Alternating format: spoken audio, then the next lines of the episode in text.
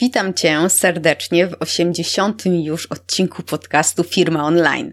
Ponieważ często otrzymuję pytania dotyczące tego, na jakiej platformie postawić sklep internetowy, postanowiłam kontynuować ten cykl rozmów z przedstawicielami różnych platform do sprzedaży internetowej.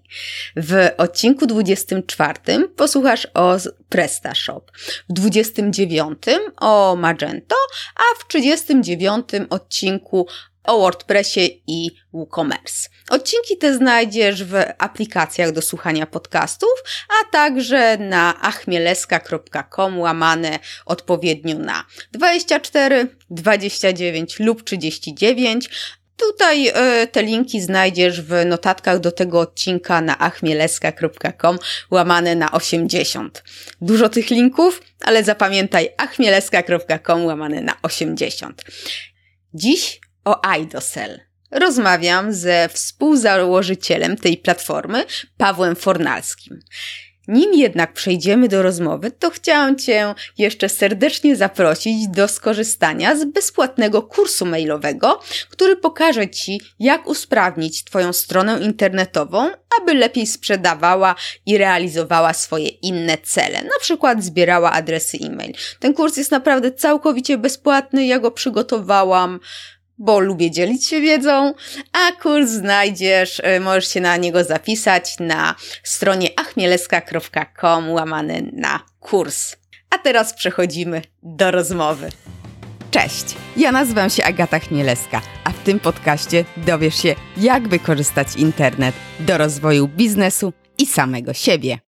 Dziś porozmawiam z Pawłem Fornalskim, twórcą i CEO platformy sklepowej iDoSell, 20-letnim weteranem e-commerce'u i jak też o sobie mówi, nieoficjalny ojciec chrzestny polskiego e-commerce'u. Cześć Pawle. Cześć, witam. Witam Ciebie, witam wszystkich. Powiedz proszę, co dobrego u Ciebie słychać? No u mnie same dobre rzeczy. E, I życiowo, i biznesowo nie narzekam, także myślę, że, że w ogóle chyba wszyscy, którzy dzisiaj żyją ze handlu, raczej, raczej są zadowoleni niż smutni. Ta, tak, to prawda, to prawda I, i fajnie, że to się, ja jestem szczęśliwa, że właśnie e-commerce tak się rozwija i, i ta pandemia mimo że może negatywna, bo jest dla wielu branż, to jednak dała takiego kopa i, i, i ogólnie no, bardzo to fajnie wygląda.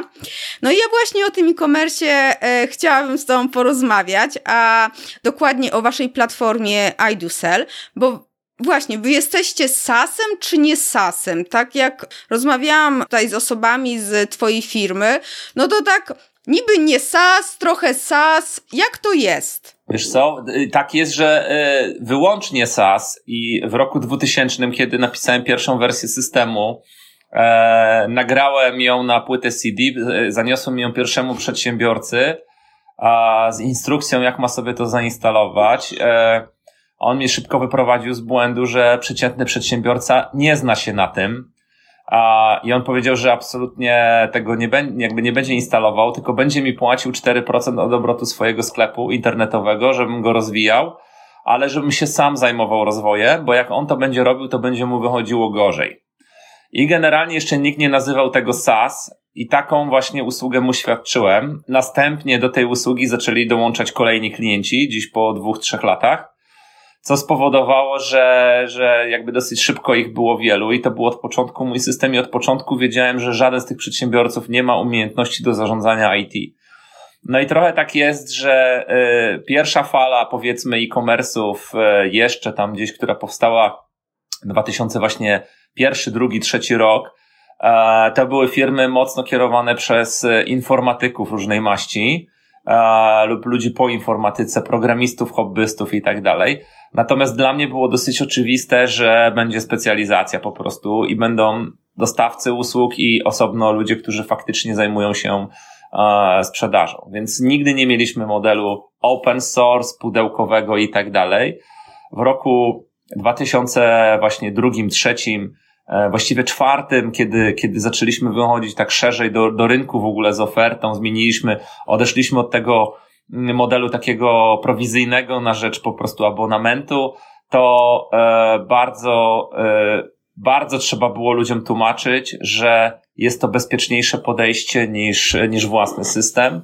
Nawet się spotykają z takimi podejściami, że, że, że niektórzy, niektóre firmy miały na przykład u siebie w pokoju właśnie prezesa komputer, no to on wtedy jak na niego patrzy, to te dane są bezpieczniejsze, nie? I trzeba było ludziom tłumaczyć, że, że profesjonalna serwerownia to jest coś bezpieczniejszego niż pokój prezesa i tak dalej, i tak dalej. Więc dzisiaj to wszystko, co jest, brzmi niewiarygodnie.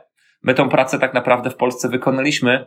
Jak popatrzymy sobie na rynek europejski, czy nawet amerykański, to na zachodzie tak zwanym dopiero się odkrywa SaaS. Tak? Jest, jest masowa jakby migracja z open source do SaaSa, gdzie w Polsce większość sklepów jest w jakiś sposób w SaaSie. Właśnie tak, dzięki temu, tak, że, tak. Że, że, wie, że ten pierwszy przedsiębiorca nie silił się na instalację samodzielną, tylko od początku jakby zaproponował uczciwe warunki rozliczeń. Oczywiście sam na tym bardzo skorzystał, bo też jakby ten taki system motywujący wynagradzania jako student miałem dużo czasu, dużo pomysłów i, i taka motywacja sprawdzi, sprawiła, to dzisiaj byśmy nazwali jakimś ESOP-em, programem premiowym i tak dalej sprawiła, że jak mu zaczęliśmy to rozkręcać z moim wspólnikiem, no to to był czwarty co do wielkości obrotów sklep w Polsce, a e, odzieżowy największy sklep pod względem obrotów. Jeszcze, jeszcze na długo, długo przed tym, jak w ogóle ktokolwiek myślał o Zalando i tego typu projektach, to my już sprzedawaliśmy na setki tysięcy złotych odzieży i obuwia w polskim internecie. No fajnie, fajnie, bo też e, no tak naprawdę to rozkręcałeś i też uczyłeś się i, i troszeczkę, znaczy na pewno ten kierunek też e, wspierałeś, jak to, jak to wyznaczać, e, w którym kierunku iść. Wiesz co, no to, to wiesz, to było e, faktycznie podążanie w nieznane w ogóle, budowa jakichś standardów. Pamiętam jedna z takich, ta, takich rzeczy, które, które gdzieś tam jako jedna z pierwszych odkryłem, e, to na przykład było coś takiego, że mieliśmy w tym sklepie internetowym bazę produktów, i pewne produkty się po prostu kończyły, tak? E, były to na przykład spodnie i no, no i jakby było importowane w odzieży jest tak, że jest kolekcja powiedzmy tam na, na, na jakiś rok i w zasadzie się produkuje jednorazowo w jakiejś ilości sztuk i potem się tego nie doprodukowuje. I jedno z pierwszych rzeczy, o których na przykład takich dziwnych, które, które jakby przekonałem się, że to będzie ciekawa branża, było to, że mm, pokazywaliśmy wszystkie produkty, a ten e, człowiek właśnie od tego sklepu mówi, słuchaj, to nie ma sensu w branży w ogóle e-commerce, w branży odzieżowej, no bo w sklepie takim tradycyjnym ludzie przeglądają to, co jest na wieszaku. Jak im powiesz, e, że jeszcze mogliby mieć to, to oni pójdą jeszcze, powiedzą, to ja jeszcze pójdę do drugiego sklepu i zobaczę, czy tam coś takiego jest. No i jakby każdy z e, takiej trady, tradycyjnego handlu, też, też, też e, ja się w takiej rodzinie wychowałem właśnie handlowej, każdy z takiego handlu ci takie rzeczy powie. A ludzie w e-commerce, no jakby starają się dzisiaj odkrywać czasami koło na nowo, więc jakby miałem, miałem tą, wiesz, możliwość, że z tego silnego, tradycyjnego handlu połączyłem to z, e, z informatyką, jakby i, i jakby myślę, że wie, wiele, wiele doświadczenia, które jakby funkcjonuje, jak, jak człowiek myśli, e, jest tak naprawdę w tym tradycyjnym handlu i lepiej przekładać go na, na online niż odwrotnie. Natomiast wtedy pamiętam, wprowadziłem taki, nie, nie dowierzałem, że taki, tak będzie to, to lepiej i wprowadziłem taki tryb przeglądania i tryb e, zakupów, to się nazywało. W trybie zakupów e, to, był, to był taki tryb, który pokazywał ci w sklepie internetowym tylko to, co jest możliwe do kupienia, a to, co jakby tryb przeglądania, no to miałeś cały katalog produktów. No i potem bardzo szybko odkryłem coś, co potem się jakby za, zwykło nazywać testami AB. Okazało się, że jak zacząłem losować ludziom e, ten tryb, od którego zaczynają, to okazywało się, że dużo lepiej konwertują te, ci klienci, którym przydzieliliśmy tryb zakupów, nie? No bo byli w trybie zakupów, a nie przeglądania. No i tak wiesz, jakby element po elemencie się wyznaczało pewne trendy. Dzisiaj, co ciekawe, wiele, wiele, wiele osób, jakby to się stało częścią na przykład Aidusela, ale wiele osób wierzy i, i chce pokazywać na przykład produkty w odzieży, które już się skończyły, bo, bo chcą pokazać, że kolekcja była pełniejsza. No to są takie oczywistości, które, które jakby trzeba było wyznaczyć, odkryć, e, natomiast wiadomo, że Dzisiaj przychodzą ludzie na rynek już trochę bardziej na gotowe. No i jakby w tym iDusel zawarte jest y, te, te, te, te 20 lat doświadczeń i e, no i w sumie można byłoby policzyć z 10 tysięcy sklepów internetowych pewnie, które, bo, bo to jest tak, że teraz mamy 6 tysięcy, ale, ale gdzieś tam po drodze ze 4 zniknęły, więc y, te 10 tysięcy sklepów internetowych, każdy coś wniósł od siebie, to wszystko my, budując tą jedną wersję sasową przez 20 lat, zawarliśmy w tym, więc ktoś, kto przychodzi, to, to trochę jak e, na franczyzę McDonalda, po prostu, po prostu kupuje to wszystko z całym inwentarzem. Fajne masz doświadczenia, naprawdę. A powiedz mi, bo ja też spytałam o, o iDoSell jako, czy to jest typowy SaaS, bo wydajecie dostęp do kodu, prawda? Nie, ale... Nie? Ale dziś w roku 2000 yy, mniej więcej 12-13, kiedy Magento zaczęło być dosyć popularne, zaczęliśmy gdzieś tam tracić takich bardziej wymagających klientów na rzecz takiego rozwiązania zaczęliśmy się przyglądać, jakie są potrzeby sprzedawców i zauważyliśmy, że w dużych firmach zazwyczaj jest ktoś na etacie, czy, czy jakiś podwykonawca, może zespół, który chce kustomizować sobie, że tak powiem, pewne rzeczy.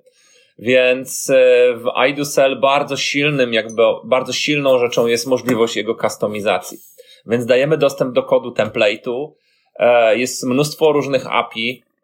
Też to jest coś, co nie było oczywiste dawno, dawno temu, bo w Magento było jedno API i wszyscy mówili, musi być jakby jedno API. My mówimy, nie, to nie ma sensu. Musi być API e, od strony frontendu, musi być API od strony backendu i muszą być API dedykowane określonym procesom, jakby takim e, personom, które potem ich używają. I tak stworzyliśmy około 12 różnych API. Na przykład jest API dla marketplace'ów, API dla fulfillmentu, API do, dla kurierów i brokerów i tak dalej, i tak dalej, dedykowane określonym procesom. No i to bardzo fajnie działa. E, firmy mogą sobie to rozwijać. Co ciekawe, no już jak popatrzymy sobie na, na Shopify, to też tam już mamy dwa API. Mamy Storefront e, API i mamy API Admin, więc jakby widać, że nasze pomysły, które były dawno temu jak w jakiś sposób egzotyczne, dzisiaj są standardami. Natomiast e, jakby można tak daleko skustomizować tego SASa, że może ci się wydawać nawet osobie, która starała się przygotować do wywiadu, że to jest jak open source, ale nie jest to open source. My to nazywamy otwarty SAS. Okej, okay, no, no właśnie, otwarty SAS to, to, to ta różnica drobna. Tak.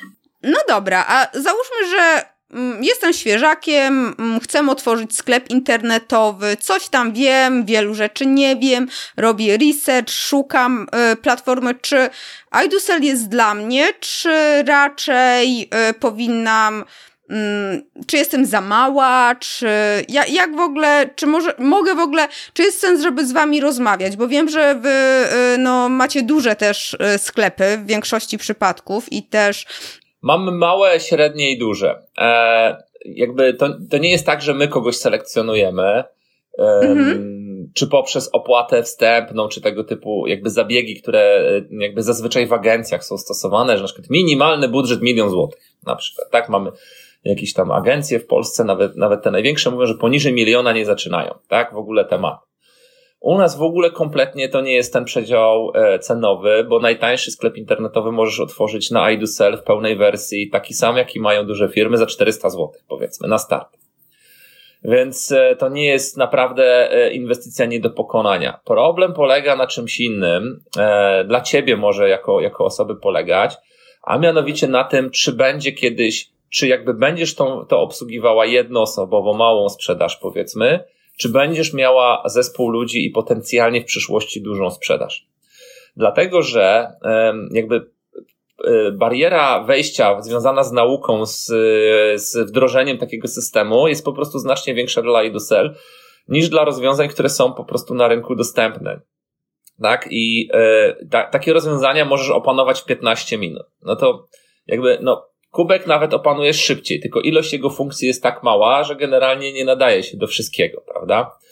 No a iDoSell się już nadaje do, do prawie wszystkiego, więc, y, więc jego złożoność jest dużo większa. No i teraz tak, jeżeli jesteś no jakby początkującą firmą, ale za chwilę jakby na przykład należysz do takiego segmentu, który my definiujemy jako D2C, czyli albo, albo y, jesteś dystrybutorem, producentem, kimś takim, kto ma produkt, sprzedaje go 50 tysięcy sztuk miesięcznie, na przykład ma 50 tysięcy zamówień. Dzisiaj jest w offline, ale chce się zdigitalizować. No to siłą rzeczy wiadomo, że poprzez B2B, B2C i tak dalej będzie miał z 25-30 tysięcy minimum zamówień, o ile mu sprzedaż nie wzrośnie. Więc e, wiadomo, że e, pakowanie się w system, mimo że dzisiaj mam zero, ale będę miał za chwilę pracowników przydzielonych do tego projektu, będę miał skalę, będę miał logistykę i tak dalej, i tak dalej jest kompletnym nieporozumieniem w rozwiązaniu, którego wdrożenie zajmuje 15 minut, prawda? Dlatego, że zaraz migracja, powiedzmy tam się wszyscy do tego przyzwyczają, okopią, wdrożymy jakieś narzędzia, integracje i tak dalej, i tak dalej, jakiś, jakiś um, struktura linków zostanie zindeksowana w Google i tak dalej, i tak dalej, to to kompletnie nie ma sensu, bo za chwilę migracja będzie kosztowała więcej, e, nie tylko pieniężnie, ale też ryzyk, spowolnienia, zatrzymania i tak dalej, niż ta dzisiejsza chwilowa oszczędność. Więc najważniejsze jest jakby, żeby każdy sobie, kto otwiera sklep internetowy, odpowiedział na pytanie, gdzie chce być za rok albo za dwa lata. Czy istnieje szansa, że będę mieć 500 zamówień miesięcznie, czy nie?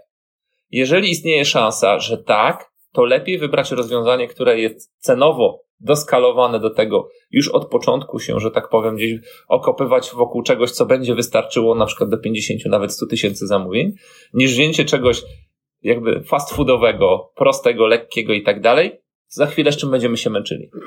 Jeszcze może dodam, że w takim okresie, kiedy zaczyna biznes chwytać, to zanim się zdecydujemy, jak, jak każdy, nie, staramy się odłożyć tą decyzję, bo na razie jeszcze, jeszcze się da, o tu mam jeszcze pomysł, tu ulepszę, tu, tu coś tam zrobię. No ale jakby nadrabiamy, nadrabiamy jakoś swoją kreatywnością i pracowitością, ale to wszystko ma swoje e, granice.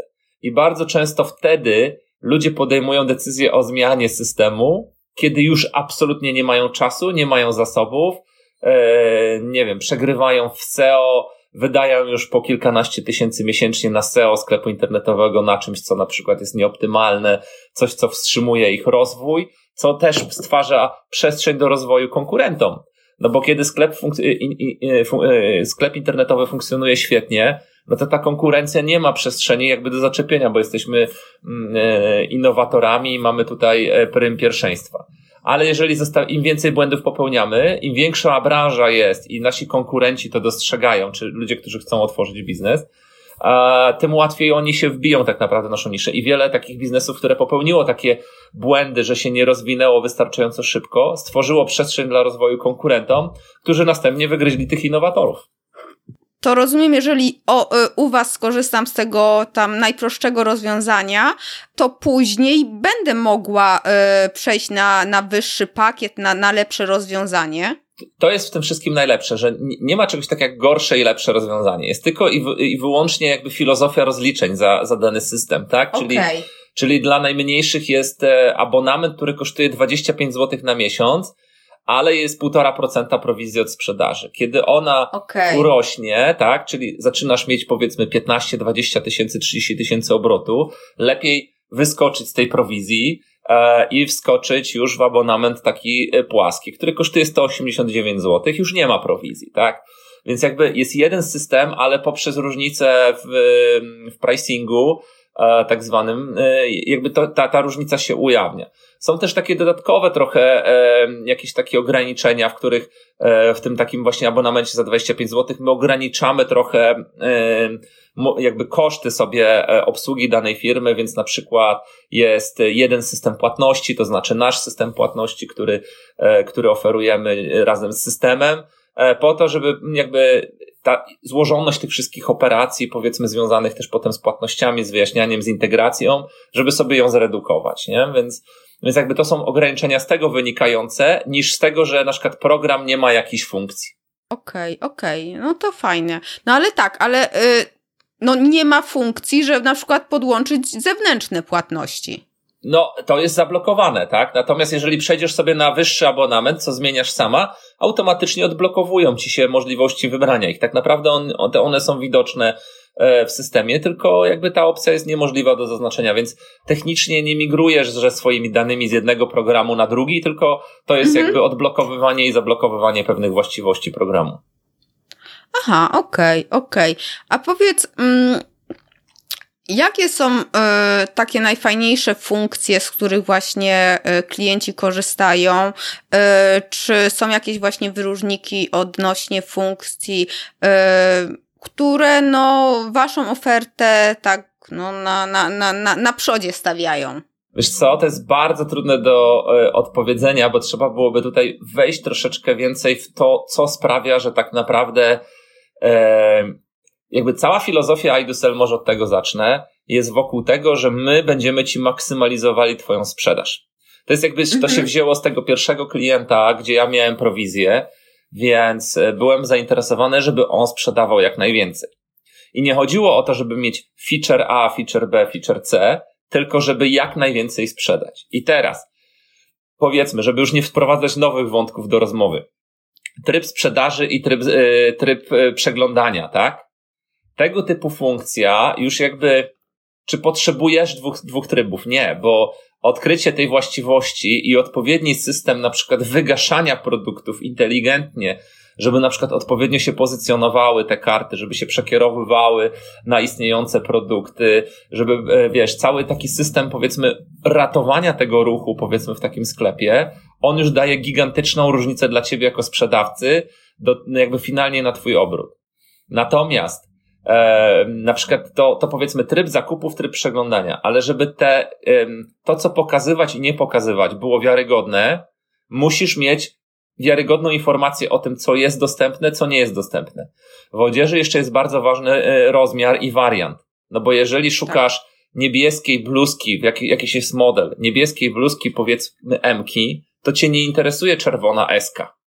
Jak zaczynaliśmy e, ten pierwszy sklep, to e, taki był standard, że była pokazywana, ka- był taki system OS Commerce i się po przecinku wypisywało dostępne kolory niebieski, czarny, czerwony, różowy, rozmiary dostępne S, M, L, XL.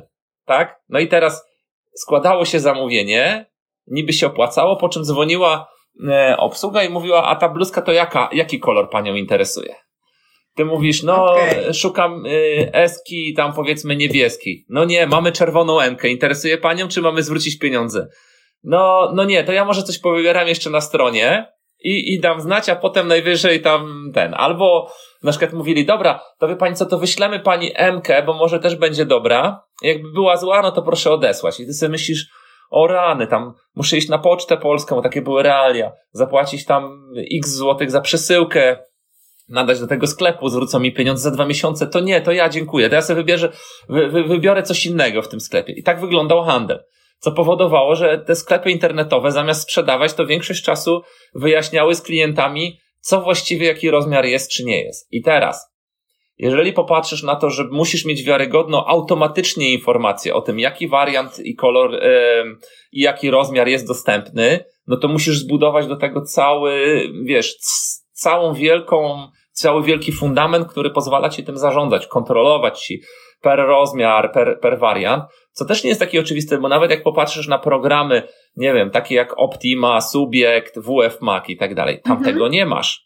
Tam jest tylko No tak. produkt, tak? Jak idziesz do niewiele sklepów ma w ogóle takie systemy, gdzie ci na przykład w klasycznym handlu powiedzą, że, że na przykład dany e, kolor buta i rozmiar, to musisz iść do innego na przykład sklepu w innym centrum handlowym. Tylko największe sieci takie systemy mają.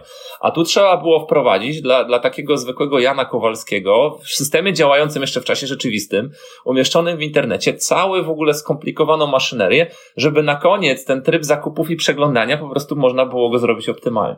I takich rzeczy są dziesiątki, jak nie setki tysięcy drobnych. Potem na tym na przykład jest filtrowanie. No dobrze, to skoro mamy już informacje o, o dostępności i rozmiarach i sklep ma na przykład 30 tysięcy par butów, to trzeba, to fajnie byłoby, żeby sobie wybrać rozmiar powiedzmy tam, nie wiem, 34 i on ci przefiltruje wszystkie buty, które mają rozmiar 34. Ale jeżeli ktoś chce pokazywać tylko główny model, a potem w karcie towaru się wybiera rozmiary i, i kolory, to trzeba pokazać produkt, którego nie, jakby wziąć do filtrowania produkt, którego na pierwszy rzut oka nie widzisz. Wiesz, jak się w to wszystko wchodzi, jak się to rozumie, to e, na przykład w Magento nie było takiego e, systemu filtrowania. Po prostu. O, I wiesz, Magento jedynce, nie? Trzeba było dokupować specjalne dodatkowe oprogramowanie za furę pieniędzy, żeby mieć, mieć takie filtrowanie po rozmiarach na przykład, nie? I w ogóle, żeby zbudować tego typu system cały zarządzania. Na przykład, wiesz, zazwyczaj to wyglądało tak, że na przykład e, w Magento jedynce jest sklep, sklep sobie działa do transakcji i obok się dokładało system wyszukiwania, filtrowania i zarządzania dostępnością.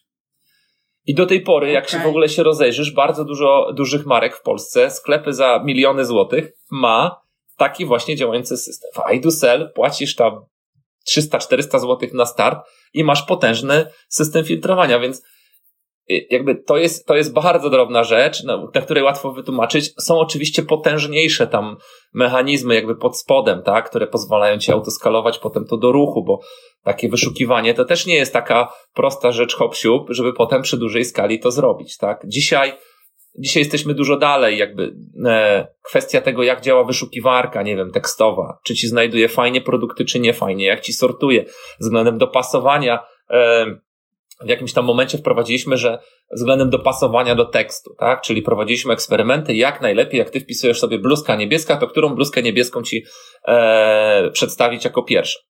No to powiedzmy na początku, ok, to weźmy tam powiedzmy po dopasowaniu do tekstu obecne e, możliwości techniczne, jakby i rosnąca e, moc obliczeniowa serwerów pozwala na to, żeby już nie tylko e, wybrać po dopasowaniu do tekstu, że bluzka niebieska, która ma w nazwie, czy tam po, potem na drugim miejscu z jakimiś wagami w opisie ustalasz, w którym miejscu, czy na początku opisu, czy w środku, czy gdzie to się pojawia, tylko możesz już bardziej na przykład e, e, analizować to względem podobieństwa twojego w zachowaniu do innych ludzi, czy oni kupili tą bluzkę niebieską, jak szukali niebieskiej, czy tej.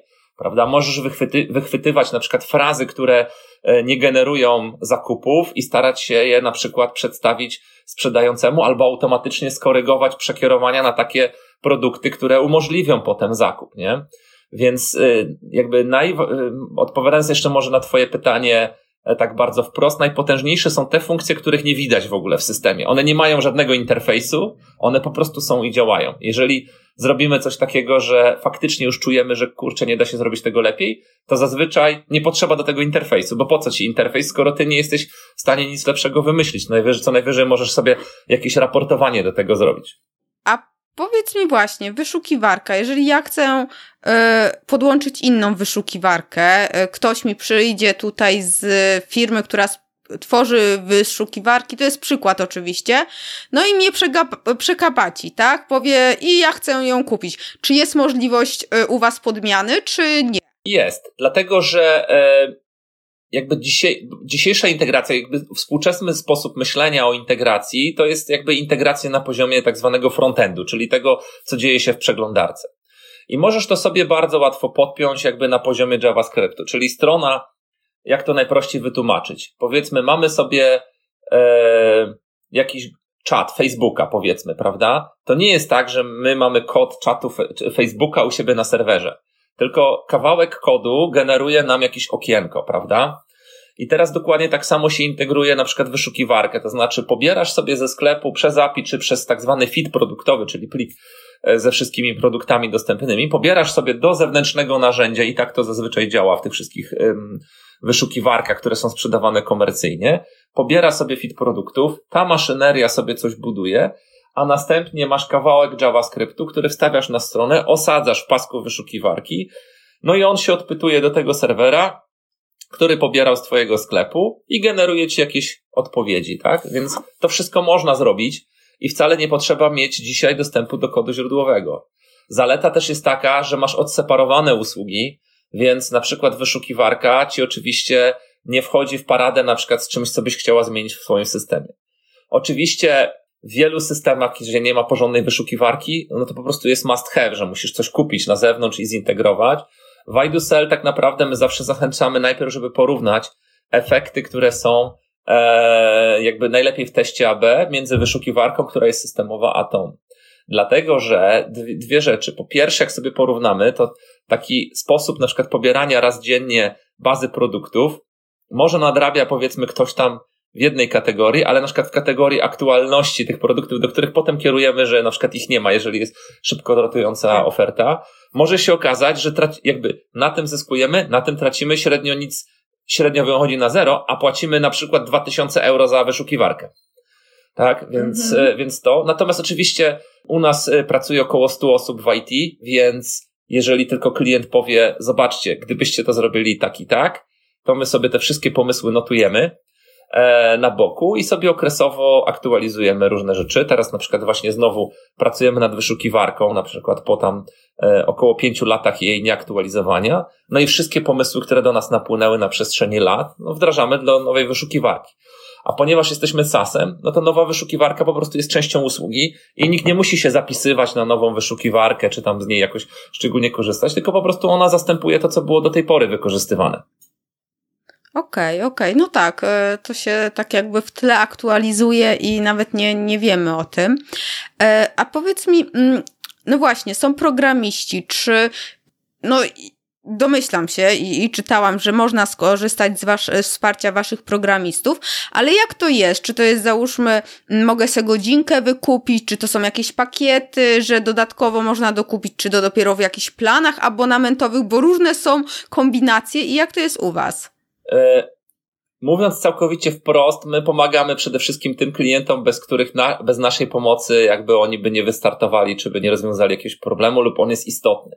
Dlatego, że no tutaj mamy bardzo dużą asymetrię. Około 100 nowych firm e, kupuje Haidusel miesięcznie, więc 100 osób wydaje się być dużo, ale gdybyśmy e, na godzinki, że tak powiem, wynajmowali, to byśmy nie mieli w ogóle już przestrzeni na, na jakąkolwiek rozwój w ogóle, czegokolwiek, a myślę, że nawet i dla tych klientów mogłoby tego nie wystarczyć. Więc przede wszystkim my się od, jakby nasi, nasze zasoby IT są na rozwiązywanie problemów faktycznie takich bardzo istotnych dla, dla sprzedawców lub wdrożenie dla nich I do żeby oni mogli w ogóle z nim wystartować. Natomiast po takim ustawieniu całego systemu, jakichś programów do integracji i tak dalej, zachęcamy wszystkich klientów i tak to jest zbudowane, żeby przejęli sobie to z innymi ludźmi z rynku, którzy, których e, jest mnóstwo, którzy dzisiaj dla klientów iDoSell pracują i mają e, wystarczającą wiedzę do tego, żeby się z nimi na przykład lokalnie dogadali, żeby wzięli ich, nie wiem, na etat, na jakieś inne modele rozliczeń i sobie z nimi dalej już to, co my stworzyliśmy, pewien szkielet rozwijali. Więc e, jakby naszym core biznesem jest dostarczanie iDoSell, a nie praca na godziny, tak jak w agencjach.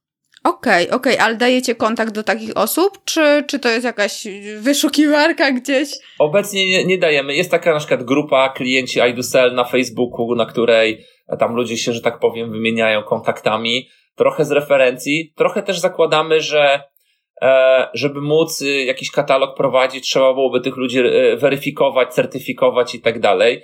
To nie jest jeszcze taki etap rozwoju, w którym my mamy na to przestrzeń i chcielibyśmy się tym zajmować. Więc zostawiamy to po prostu wolnemu rynkowi. Wierzymy, że jeżeli ktoś jest zdolny, no to, no to znajdzie klientów. I trochę tak jak z samym iDusel jest tak, że zdolnych ludzi inni polecają i ci nie narzekają na brak zajęcia, więc to się gdzieś tam samo porządkuje, działa, jest ok, tak? Natomiast możliwe, że faktycznie gdzieś w przyszłości trzeba będzie to zrobić, tylko że Finał finału jest taki, że lądujesz z czymś, coś, co wygląda jak Yellow Pages. Wszystkie oferty są takie same, wszyscy są wspaniali, profesjonalni, mają doświadczenie i tak, tak, dalej. Więc tak naprawdę można byłoby tylko i wyłącznie zrobić losowanie jakby jednego z tych kontaktów. Okej, okay, czyli może właśnie na, na tej grupie można poszukać kogoś y, ze wsparcia i Właśnie, bo ja się pytam o to wsparcie, bo nie wiem, gdzieś mi się albo słyszałam, albo gdzieś mi się przewinęło na stronie, że ileś tam godzin, czy właśnie od klientki słyszałam, że ileś godzin wsparcia jakiegoś można w pakiecie kupić. Wsparcie jest za darmo, więc możliwe, że okay. była rozmowa o tym, że jest takie szkolenie jeden na jednego, na przykład. My, my takie też dla klientów organizujemy, na przykład dla ich pracowników. czasami na przykład to są, to, to jakby nie jest tylko wsparcie, tylko to jest bardziej praca z klientem, na przykład na zasadzie, jak optymalnie na przykład takiego subiekta, czy jakiś system typu, nie wiem, Navision, czy jak poprawić logistykę w magazynie. E, my pracujemy na przykład na takich, bardziej by to było trafne, żeby to nazwać warsztaty. E, I wtedy taki, taki warsztat jest organizowany, to nie jest tak, że osoba przy, e, przy komputerze jakby odpowiada na pytania, tylko faktycznie jest to, jest to jakiś tam zakupiona ilość godzin. Przeciętnie to są 2-3 godziny na jedno takie spotkanie Ktoś sobie to rezerwuje i na przykład kilka osób od klienta z firmy, czasami jedna osoba od nas, czasami więcej, stara się klientowi podzielić jakimś doświadczeniem, jak najlepiej na przykład zorganizować proces logistyczny, żeby zwiększyć jego wydajność. I faktycznie wtedy okay. za dwie czy trzy godziny takiego wsparcia warsztatowego, czyli na zasadzie warsztatów wykupuje sobie. Jak nie było jeszcze pandemii, to jeszcze umożliwialiśmy wykupienie na cały dzień z przejazdem takiej osoby, żeby to robić u klienta no to była taka bardziej oferta dla opornych, którzy nie wierzą w wideokole, ale myślę, że ta oferta już nie wróci, bo już raczej raczej chyba już wszyscy uwierzyli w wideokole, już będziemy raczej tylko tak. na wideokolach pracowali. Tak, tak. Co, co mnie bardzo ucieszyło, bo ja byłam właśnie osobą, która musiała jeździć na spotkania, a, a ja jestem osobą, która wierzyła od dawna właśnie w wideokole, więc to właśnie mnie, mnie bardzo cieszyło. E, Okej, okay, a tutaj jest to szkolenie. Y, czy jeżeli ja przychodzę i chcę otworzyć sklep i faktycznie, no, zapowiada się wszystko dobrze. Czy ja od Was takie wsparcie właśnie wdrożeniowe, mm, co zrobić, o czym pamiętać, też troszeczkę taka wiedza e-commerce otrzymam? Ogólnie cały system jest tak zbudowany, że w zasadzie poza wprowadzeniem produktów powinno być wszystko maksymalnie na start gotowe. Czyli my tak nad tym pracujemy. Na przykład w ramach iDoSell każdy dostaje bez względu na rozmiar firmy SSL jest generowany przez nas automatycznie. Czyli e, jeżeli podepniesz swoją domenę, to nie musisz się, że tak powiem, e, wykupować SSL-a, tak jak jest na przykład w niektórych firmach oferujących dla tak. mniejszych sklepów dodatkową sprzedaż, czy za taką możliwość trzeba dopłacić. Nie, my zakładamy, że obecny stan prawny jest taki, że SSL jest niezbędny i my nie chcemy takiej oferty ukrytej, że nie wiem, że, że, za jaki, że za jakąś rzecz y, po prostu taką niezbędną dopłacasz. W związku z tym po prostu tak jak nie, nie, nie musisz dopłacać za koła w samochodzie, tylko one są z tym samochodem. Natomiast jakby staramy się, żeby wszystko taki przedsiębiorca miał zapewnione.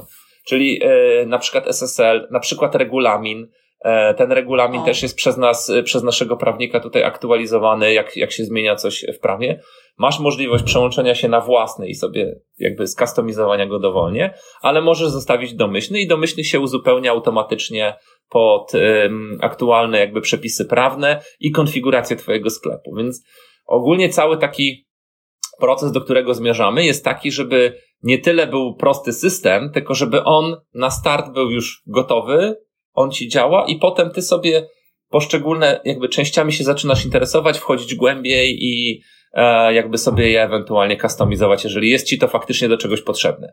Na przykład te płatności, tak, o których wspomniałem, to jest e, też ciekawy e, biznes, który weszliśmy kilka lat temu.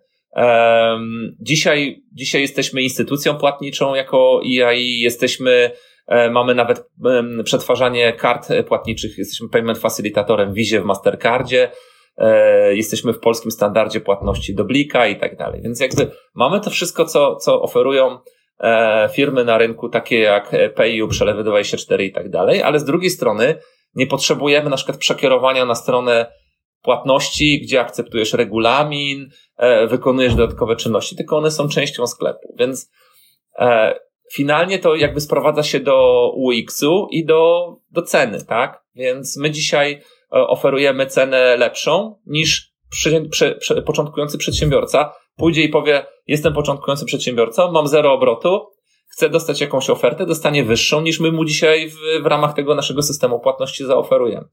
Więc nie musi myśleć o płatnościach, mamy przesyłki brokerskie, które może z nich korzystać, nie musi. Jest na przykład cena fajna na paczkomaty i, i jakby nie musi nic negocjować na start, żeby uruchomić sklep internetowy, tylko to wszystko jest. Ale różnica między, między takim prostym systemem a zaawansowanym jest taka, że jeżeli tylko poczuję w jakimś momencie, że chcę tego autopilota w danym elemencie wyłączyć, no to go wyłącza i sobie wprowadza swój kontrakt z firmą dowolną, tak naprawdę, nawet, nawet taką, której nie obsługujemy, bo może sobie napisać wtyczkę sam i podpiąć na przykład jakiegoś brokera, który wysyła za granicę, nie wiem, na Ukrainę e, w jakimś tam modelu frachtowym. Okej. Okay. E, wtyczkę podpiąć sobie sam to znaczy, że e, programista jakiś, tak? I e, ludzie znają, potrafią programiści pod waszą. Jest, platformę. tak, bo ogólnie wszystkie, e, wszystkie rozwiązania, które wymyślamy, one bazują na wymianie danych albo w XML-u, albo w takim standardzie JSON, tak? Czyli z nawiasami. Tak. No, no jakby każdy, no wiadomo, że gospodyni, e, która jej szczytem techniki jest obsługa Thermomixa, no tego nie zrobi, tak? Natomiast każdy, kto posiada odpowiednie kwalifikacje, to tak jak nie podłączamy se sami prądu w magazynie, tylko weźmiemy elektryka, tak? tak? No więc tak samo, jeżeli potrzebujemy coś podłączyć, em, czego dzisiaj nie mamy, wystarczy znaleźć po prostu dowolną osobę, która ma podstawowe umiejętności programistyczne i po prostu napisze sobie taki program, który wepnie e, wepnie się w odpowiednie API, które jest udokumentowane na stronie. Wystarczy tej osobie jakby wskazać. My też można ją skierować do nas. E, my jej wskażemy, tu jest proszę dokumentacja. Nawet nie musi tego robić na produkcyjnym sklepie, bo może sobie zamówić demo, taki sandbox, wydevelopować mhm. sobie jakiś programik. Następnie ten sam programik przełożony do swojego klienta produkcyjnie będzie działał tak samo, bo jest jedna wersja systemu. Okej, okay, okej, okay. no to fajnie, jeżeli. E, jeszcze o tych płatnościach wspomnę, bo my rozmawialiśmy przed zaczęciem nagrywania, e, że macie własne też płatności, prawda? E, że nie trzeba podpisywać umowy. Tak, tak, tak. Znaczy nie potrzeba podpisywać umowy.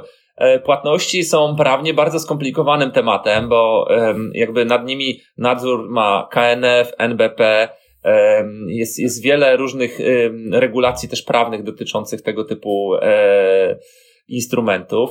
Więc typowo, e, jeżeli chcemy podpisać umowę na płatności, mamy bardzo skomplikowaną weryfikację, czy firma jest faktycznie tym, za kogo się podaje, kto tam za nią stoi i tak, tak dalej, i tak dalej. My to ograliśmy w ten sposób, że ktoś podpisuje umowę na sklep i w zasadzie wszystko ma w jednej umowie. Więc, a ponieważ jest y, obsługiwany przez nas, to my nie musimy na przykład sprawdzać, nie wiem, kwestii związanych z bezpieczeństwem przetwarzania kart płatniczych, prawda? Tylko możemy już od razu jakby mu to wszystko uprościć bardzo, bardzo mocno. No i finał finału jakby jest taki, że ktoś nie czuje, że w ogóle ma płatności, po prostu one są częścią tego wszystkiego, a normalnie trzeba przejść bardzo skomplikowany proces weryfikacji, więc staramy się, żeby wszystko było po prostu takie naturalne bardziej, jakby było w jednym, w jednym systemie, tak jak mamy, nie wiem, byśmy mieli to wszystko, że tak powiem, w swojej własnej firmie. W kwestii tego wsparcia i takiej prostoty, że, że też mm, klient nie musi za dużo myśleć, jak coś powinno wyglądać, bo wy go wspieracie wiedzą yy, i po prostu robicie to za niego, że to po prostu jest, działa, na przykład ten certyfikat SSL, yy, e, to jak wygląda, jeżeli klient przychodzi i sobie wymyśli, że on jednak chce mieć koszyk na środku strony, a nie po prawej stronie, jak to w większości sklepów jest? Yy, czy wy wtedy, to jest po prostu przykład, tak? Ale faktycznie chce zrobić coś innego niż jest zgodne z praktykami, niż wy wiecie po swoich testach. Czy wy mu odradzacie to, czy wy to po prostu robicie, czy w ogóle mm, jak to wygląda? Z założenia e, taka sugestia może się pojawić, że wszyscy inni robią to inaczej, ale jeżeli klient bardzo się uprze, to oczywiście może sobie to dowolnie zmienić, bo to jest jakby jego decyzja finalnie, jak że tak powiem, żeby sobie krzywdę ewentualnie zrobić. Poza tym to też nie zawsze jest tak, że my wiemy najlepiej, bo my wiemy to, co już wiemy, ale może, może akurat się dowiemy czegoś nowego i cały czas się uczymy, tak? I commerce się też zmienia. Więc y, klient może, y, jeżeli chce sobie taki powiedzmy koszyk zmienić, ma przynajmniej kilka możliwości zrobienia tego samodzielnie. Może sobie tak zwany zrobić dodatek HTML JavaScript, czyli napisać mały kawałek kodu, który wkłada do takiego specjalnego, coś takiego Google Tag Manager i może Aha. sobie frontend modyfikować. Jeżeli ma więcej doświadczenia, może sobie modyfikować to na przykład w CSS-ie. Mamy edytor CSS i też jest bardzo fajnie zrobione, bo są tak naprawdę dwa CSS-y, jeden własny, jeden taki systemowy, one się tam odpowiednio pokrywają. Jeżeli ma jeszcze więcej doświadczenia, może wejść w edycję szablonu i sobie nawet zmienić y, w ogóle jakby natywnie strukturę HTML-a takiego projektu. Może też oczywiście y, dla większych klientów oferujemy taką usługę kontraktacji, gdzie można sobie taką osobę od nas y, wynająć na, y, na te, tak jak nazwałaś, godzinki, tylko właściwie to jest bardziej dni, bo my to sprzedajemy w takim modelu całodniowym, wtedy 7 godzin. Okay. I ta osoba pracuje dla danego klienta. Tam jest taki rytm, że wybiera sobie, czy chce mieć tą osobę, jest z góry określony dzień tygodnia, raz na, znaczy, czyli co, co tydzień, co dwa lub co cztery tygodnie i jakby tam jest tak, że minimalna ilość wtedy miesięcy jest dwa miesiące, jest jednomiesięczny okres wypowiedzenia takiego kontraktu i taką osobę sobie, że tak powiem, się rezerwuje. No i to jest usługa bardzo, bardzo popularna, więc czasami nawet jest tak, że nie mamy nikogo wolnego i klient musi niestety czekać w kolejce, żeby ktoś się zwolnił, no bo fizycznie, e, fizycznie jakby jest jakiś tam podaż, którą mamy e, i jej nie przeskoczymy. Dlatego, tak jak mówię, zawsze w, w pierwszej kolejności E, jeżeli ktoś ma duże oczekiwania, chętnie mu pomagamy, żeby przejął zarządzanie takim jakby kustomizacjami. My mu budujemy sklep na, na start, który sprzedaje, który jest udany, a bardzo często to są jakieś takie kwestie albo drobnych eksperymentów, zmian i tak dalej, czyli już jakby szkielet zostaje ten sam, który najlepiej sobie po prostu właśnie już y, prowadzić gdzieś tam wewnętrznie w firmie.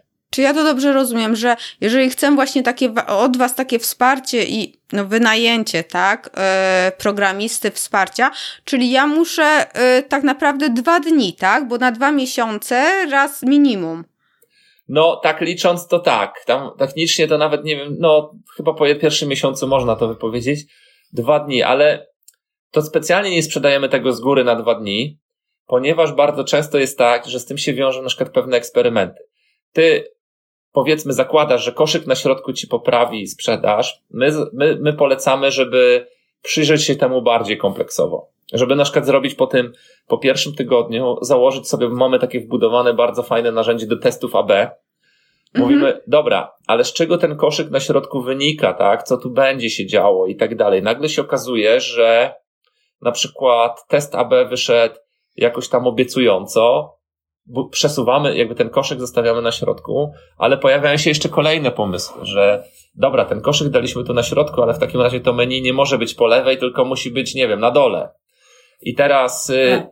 bardzo często jest tak, że ktoś, nie wiem, zakłada, że to będą dwie iteracje, ale najczęściej to jest kilka, kilkanaście, kilkadziesiąt iteracji, aż uzyska takie efekty, że potem widzi, że już tak naprawdę, y, no oczywiście każdy dzień kosztuje, że już nie uzyskuje w testach AB jakichś istotnych y, usprawnień.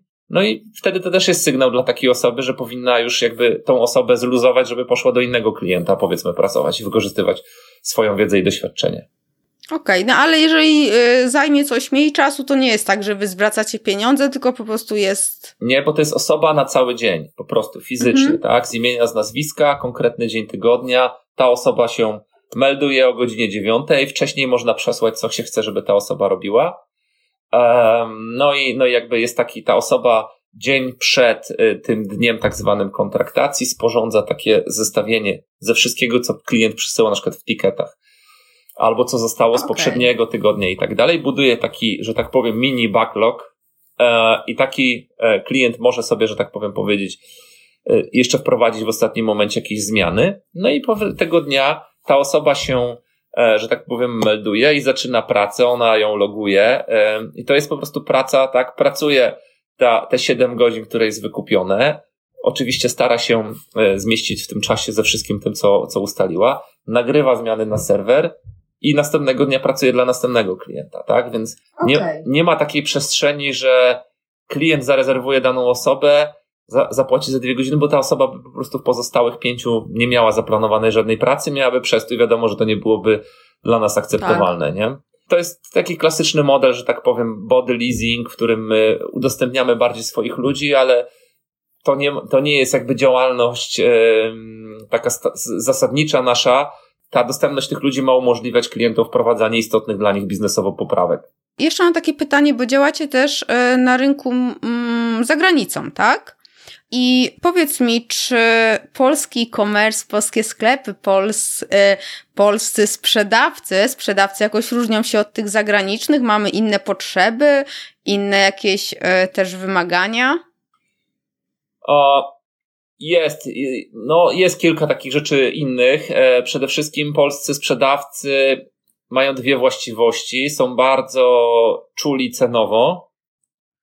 A druga rzecz jest taka, że ja jak miał tak, mm, może też jeszcze pomiędzy tą pierwszą a drugą, polscy sprzedawcy są strasznie wrażliwi na dodatkowe opłaty. Tak? To znaczy, mamy gdzieś tą naszą narodową taką e, cechę, że bardzo liczymy nasze krupy i nie chcemy, nawet jeżeli zarabiamy miliony, to bardzo niechętnie dzielimy się tymi pieniędzmi, nie? To znaczy, jakoś tak yy, wierzymy, że jak zarabiamy miliony, to nie jest dzięki pracy innych ludzi, tylko to jest, to jest moja osobista zasługa, nie? Że, że ja sobie to zawdzięczam, bo jestem lepszy, mądrzejszy, ciężej pracowałem i tak dalej. Mm, I faktycznie yy, w innych krajach, i to nawet nie powiedziałbym, że na zachodzie, bo nawet na południu Europy czy wschodzie Europy sprzedawcy mają większą skłonność do dzielenia się e, pieniędzmi. Tak? To znaczy, już takim skrajnym przypadkiem są Stany Zjednoczone, gdzie po prostu jest jakiś budżet, tam 10, 15, 20% ceny i jakby się go dzieli się ze wszystkimi, którzy powiedzmy pomagają sprzedawcy taki, taki obrót wygenerować. I jakby e, w innych krajach bardziej dominuje taka zasada, że nieważne ile co kosztuje, ważne ile dzięki temu mogę zarobić. I to też jest coś, z czym my się zmagamy edukacyjnie, tak jak rozmawialiśmy o tym SASie i pudełkach, tak się edukacyjnie trochę mierzymy z tym, no bo powiedzmy tak, jeden system kosztuje 300 zł, a drugi 250. To wcale nie znaczy, że ten, który mm, e, kosztuje 300, jest droższy od tego, który kosztuje 250. Bo dzięki te, temu, który kosztuje 300, zarobisz milion, a dzięki temu, który kosztuje 250, zarobisz 10 tysięcy. A może w ogóle, tak jak mówiłem, konkurent zajmie twoje miejsce i wypadniesz z biznesu. To kosztuje wszystkie twoje tak. pieniądze. I teraz to, co wydaje się być nominalnie na start tańsze, okazuje się być droższe, tak? My już się nauczyliśmy trochę to przeliczać dla samochodów i patrzymy potem, czy jest serwis na, na rok, na 7 lat, czy coś tam. Jak, y, czy tutaj jest, nie wiem, y, pasek rozrządu, czy łańcuch, czy będę musiał to zmieniać i tak dalej. Już jakby w samochodach się to nauczyliśmy liczyć, ale w systemach e-commerce'owych, które są młodszą dziedziną, jeszcze nie. I tutaj cała jest gigantyczna różnica e, w podejściu polskich sprzedawców do, do faktycznie tych zagranicznych. Nie? Natomiast, y, no i taka jakby druga rzecz, która, bo to była powiedzmy półtora rzeczy. E, druga rzecz to jest to, że Polacy bardzo chcą posiadać dalej, a w innych nacjach, no to jakby może już to mniej jest adekwatne do wschodnich i, i, i do południowych, natomiast chcą, um, chcą używać, tak? I tutaj um, to ma też w Polsce dobre zalety, to znaczy my jesteśmy jednak bardziej przywiązani do pewnych rozwiązań. E, ta, ta taka skłonność do dzielenia się, ona powoduje też znowu, że znowu za granicą ludzie są troszeczkę mniej lojalni. Ja bym tak powiedział. Okay. Polacy są jednak, y, więc, więc jakby dla mnie, jakby ja się nauczyłem w tym funkcjonować i to jest jakby pozytywna cecha polskiego rynku, że na koniec wszystko musi być bardzo tanie, bardzo efektywne, trzeba się nakombinować, jak sobie, że tak powiem, odzyskać pieniądze, które się wkłada w jakiś projekt, ale z drugiej strony nie ma takiego ciągłego uganiania się za klientami, że jednego dnia ci przyjdzie 100 tysięcy klientów, a drugiego dnia ci 90 tysięcy odpłynie i pójdzie do kogoś innego, okay. tak? Może ja też jestem mniej tak. trochę marketingowy, więcej, e, więcej taki produktowy, więc, e, więc cenię sobie, że tak powiem, taką bardziej relację stabilną z klientem i, e, i w Polsce to faktycznie jakby daje się odczuć, że, że są klienci bardziej lojalni. No no, dobra cecha, dobra cecha, więc, więc fajnie to słyszeć. No dobrze, to powiedz mi jeszcze proszę tak na, na koniec, jakbyś może nie marketingowo, ale produktowo yy, chciał właśnie pokazać, nie, nie mówię przekonać, tak, bo to tutaj nie chodzi y, o jakieś przekonywanie, tylko po prostu takie wartościowe rzeczy w IDUSEL. Nie mówię też, że same funkcje, tak, tylko dlaczego, dlaczego o, z was warto skorzystać u Was postawić sklep? Dlatego, że nie da się na innym oprogramowaniu bez własnego działu IT obsłużyć 5000 zamówień. To jest najprostszy, najprostszy dowód, tak, jakby na to. Nie da się po prostu czy technicznie, czy organizacyjnie. Więc yy, po prostu w, w jednym podsumowaniu system, jak ktoś się zaloguje, to na dzień dobry dostaje oczopląsu, bo nie wie w ogóle, co wybrać. Jest marketing automation, nie wiem, potężne integrację z Facebookiem, Googlem. My dostarczamy zresztą w ogóle cały taki, o tym nie rozmawialiśmy też a propos tych płatności, kurierów. Takim jakby bardzo silną nogą naszego biznesu jest dostarczanie ruchu.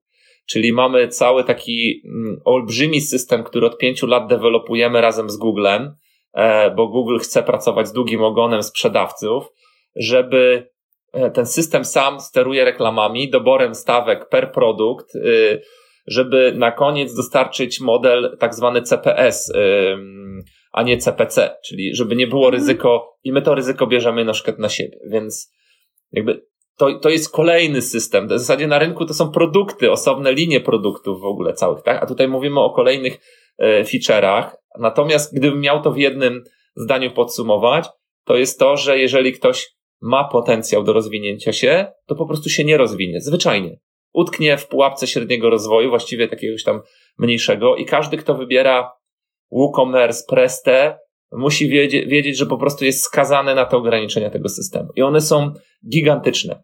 Od, od wyszukiwarki, od kontroli dostępności, e, nawet z punktu widzenia SEO e, czy SEM, dlatego że SEO e, w takiej preście możemy sobie powiedzmy customizować, ale musimy wziąć jakiegoś człowieka, który nam to zbuduje, zapłacimy mu pieniądze, żeby to działało optymalnie. Na przykład w WooCommerce w ogóle nie ma wielojęzyczności, tak? Nie ma w Shopify'u wielojęzyczności, a każdy duży sprzedawca za chwilę chce sprzedawać chociażby w Europie do Czech, do Niemiec, y, do, nie wiem, do Szwecji i tak dalej, bo zobaczy jakiś rynek. No i teraz w tym momencie co dalej, tak? No, no, no nie ma. No to co, muszę stawiać drugi sklep. No dobra, jak będę miał drugi sklep, to muszę je zintegrować. I nagle coś, co było bardzo proste, to e, okazuje się być super skomplikowane. I nagle więcej energii, jakby ta taka siła tarcia wytwarza, niż to przyspieszenie. Zaczynamy spalać coraz więcej paliwa i nagle okazuje się, że przedsiębiorca, który ma, chciałby na takim oprogramowaniu urosnąć na przykład do tysiąca zamówień, pali tak dużo pieniędzy i energii, że zarabia tyle samo, jak miał 300 zamówień. I nagle się zniechęca, utyka w tej pułapce średniego rozwoju. I teraz jakby to jest, myślę, najważniejsza cecha, tak? Że w biznesie zawsze trzeba zostawać w ruchu, być mobilnym, mieć możliwość jakby e, poruszania się i to jest najważniejsza cecha właśnie Idusela. A nawet zawsze, kiedy by ktoś chciał pójść swoją drogą, ma API, ma możliwość eksportu swoich danych i zawsze może pójść swoją drogą, wtedy już swojego działu IT, ale życzę każdemu, żeby każdego było stać na to, żeby mógł do takiego etapu dojść, i o tym decydować. I tak jest, że wielu naszych klientów, którzy odnieśli spektakularne sukcesy, którzy u nas wyrośli, czasami od kilkudziesięciu zamówień miesięcznie, bo przyszli na przykład z Allegro, otworzyli sklep, urośli do biznesów, które na przykład sprzedawały za 10, 15, 20 milionów miesięcznie i szły swoją drogą, no ale to wynikało z tego, że było ich stać na to, żeby zatrudnić na przykład 10-osobowy zespół IT i wygodniej było mu się poruszać w czymś, co sami tworzą. Okej, okay, tak? No to trochę jak z dziećmi, które dorastają, wyprowadzają się, tak? Przeciętnie to jest powyżej 150-200 tysięcy zamówień na miesiąc. Ale żeby dojść od kilkudziesięciu do 200 tysięcy i mieć budżet rzędu 2 miliony rocznie, bo tyle kosztuje swój dział taki IT, no to trzeba bardzo dużo towaru przerzucić. I to się nie bierze tak znikąd, tak? Jak ludzie opowiadają, najlepiej to mieć swoje własne rozwiązanie. Owszem, najlepiej być urodzić się miliarderem i mieć nieskończoną ilość pieniędzy. Tak. Ale nie każdy tak ma, po prostu. Dokładnie, dokładnie. Super. Ja Ci ślicznie dziękuję za rozmowę. Mm, bardzo fajna, bardzo dużo mi powiedziałeś i wyjaśniłeś rzeczy, których tak naprawdę sama nie wiedziałam, e, mimo że też siedzę trochę w branży i, i teoretycznie znam się na, na, na, na, na systemach różnych, a faktycznie tutaj e, dużo fajnych rzeczy mi powiedziałeś. Mm, I myślę, że słuchacze też, e, też wyciągną e, z tego dużo dla siebie i też będzie im łatwiej podjąć decyzję, gdzie chcą postawić swój sklep internetowy. Ja Ci życzę dalszych taki, takiego rozwoju szybkiego i, i takich sukcesów. No i mam nadzieję, że do zobaczenia na jakieś, może już na żywo, jak to wszystko się wyciszy na jakiejś konferencji, czy, czy jakoś tak przy okazji. Trzymamy kciuki, a na razie zarabiamy na e-commerce. tak, dokładnie. Dzięki, trzymaj się, pa. Cześć. No ciekawie, ciekawie to wszystko brzmiało.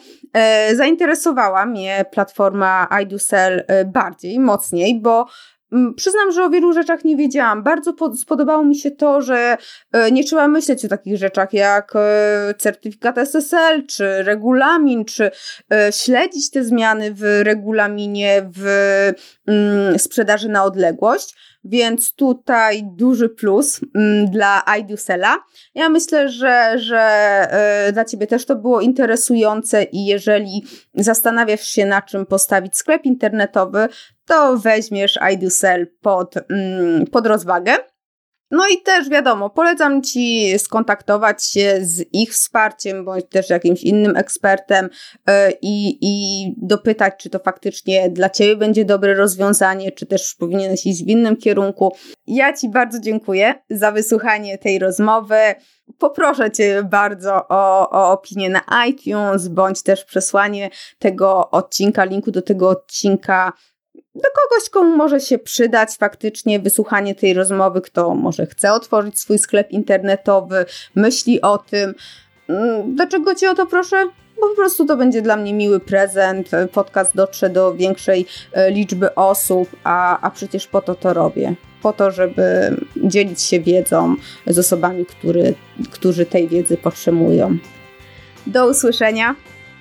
Trzymaj się ciepło i niech konwersja i moc będą z Tobą.